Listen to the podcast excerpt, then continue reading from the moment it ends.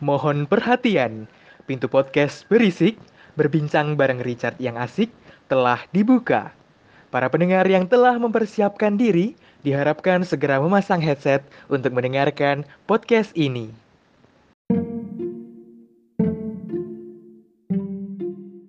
Assalamualaikum warahmatullahi wabarakatuh.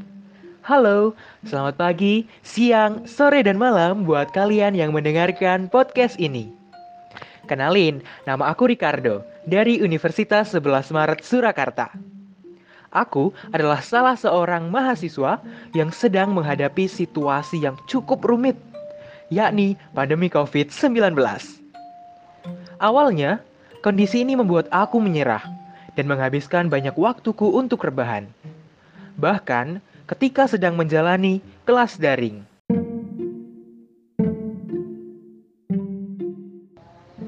Aduh, ngantuk banget deh kelas daring kayak gini. Lapis kedua. Sambil tiduran aja deh. Kedua ya, itu lapis Ah. Kategori. Kategori itu apa?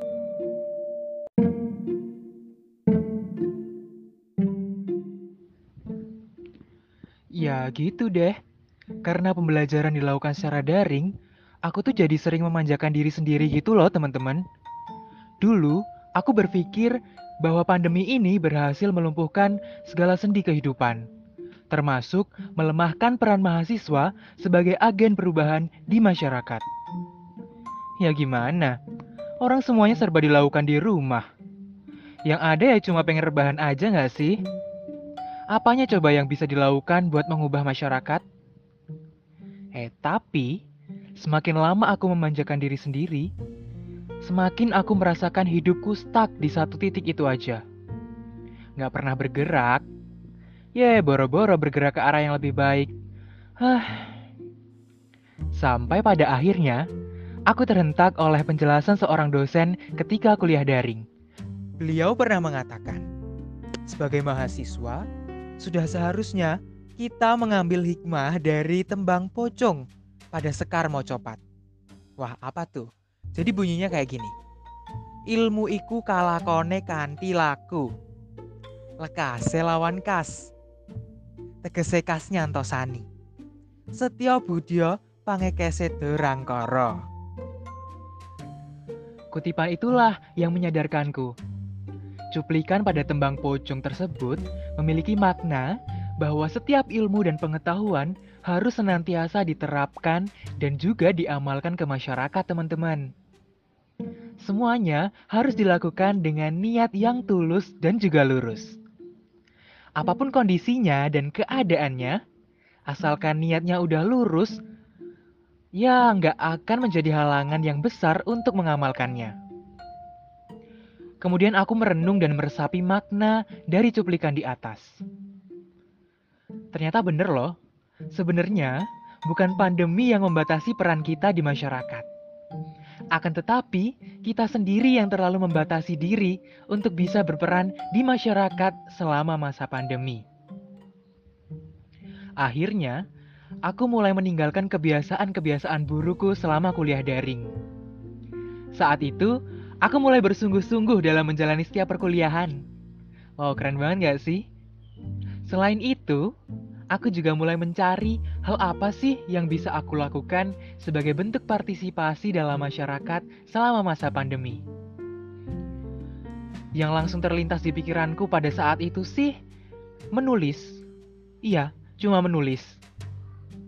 Aku ingin sekali berperan di masyarakat melalui setiap tulisan yang aku ciptakan.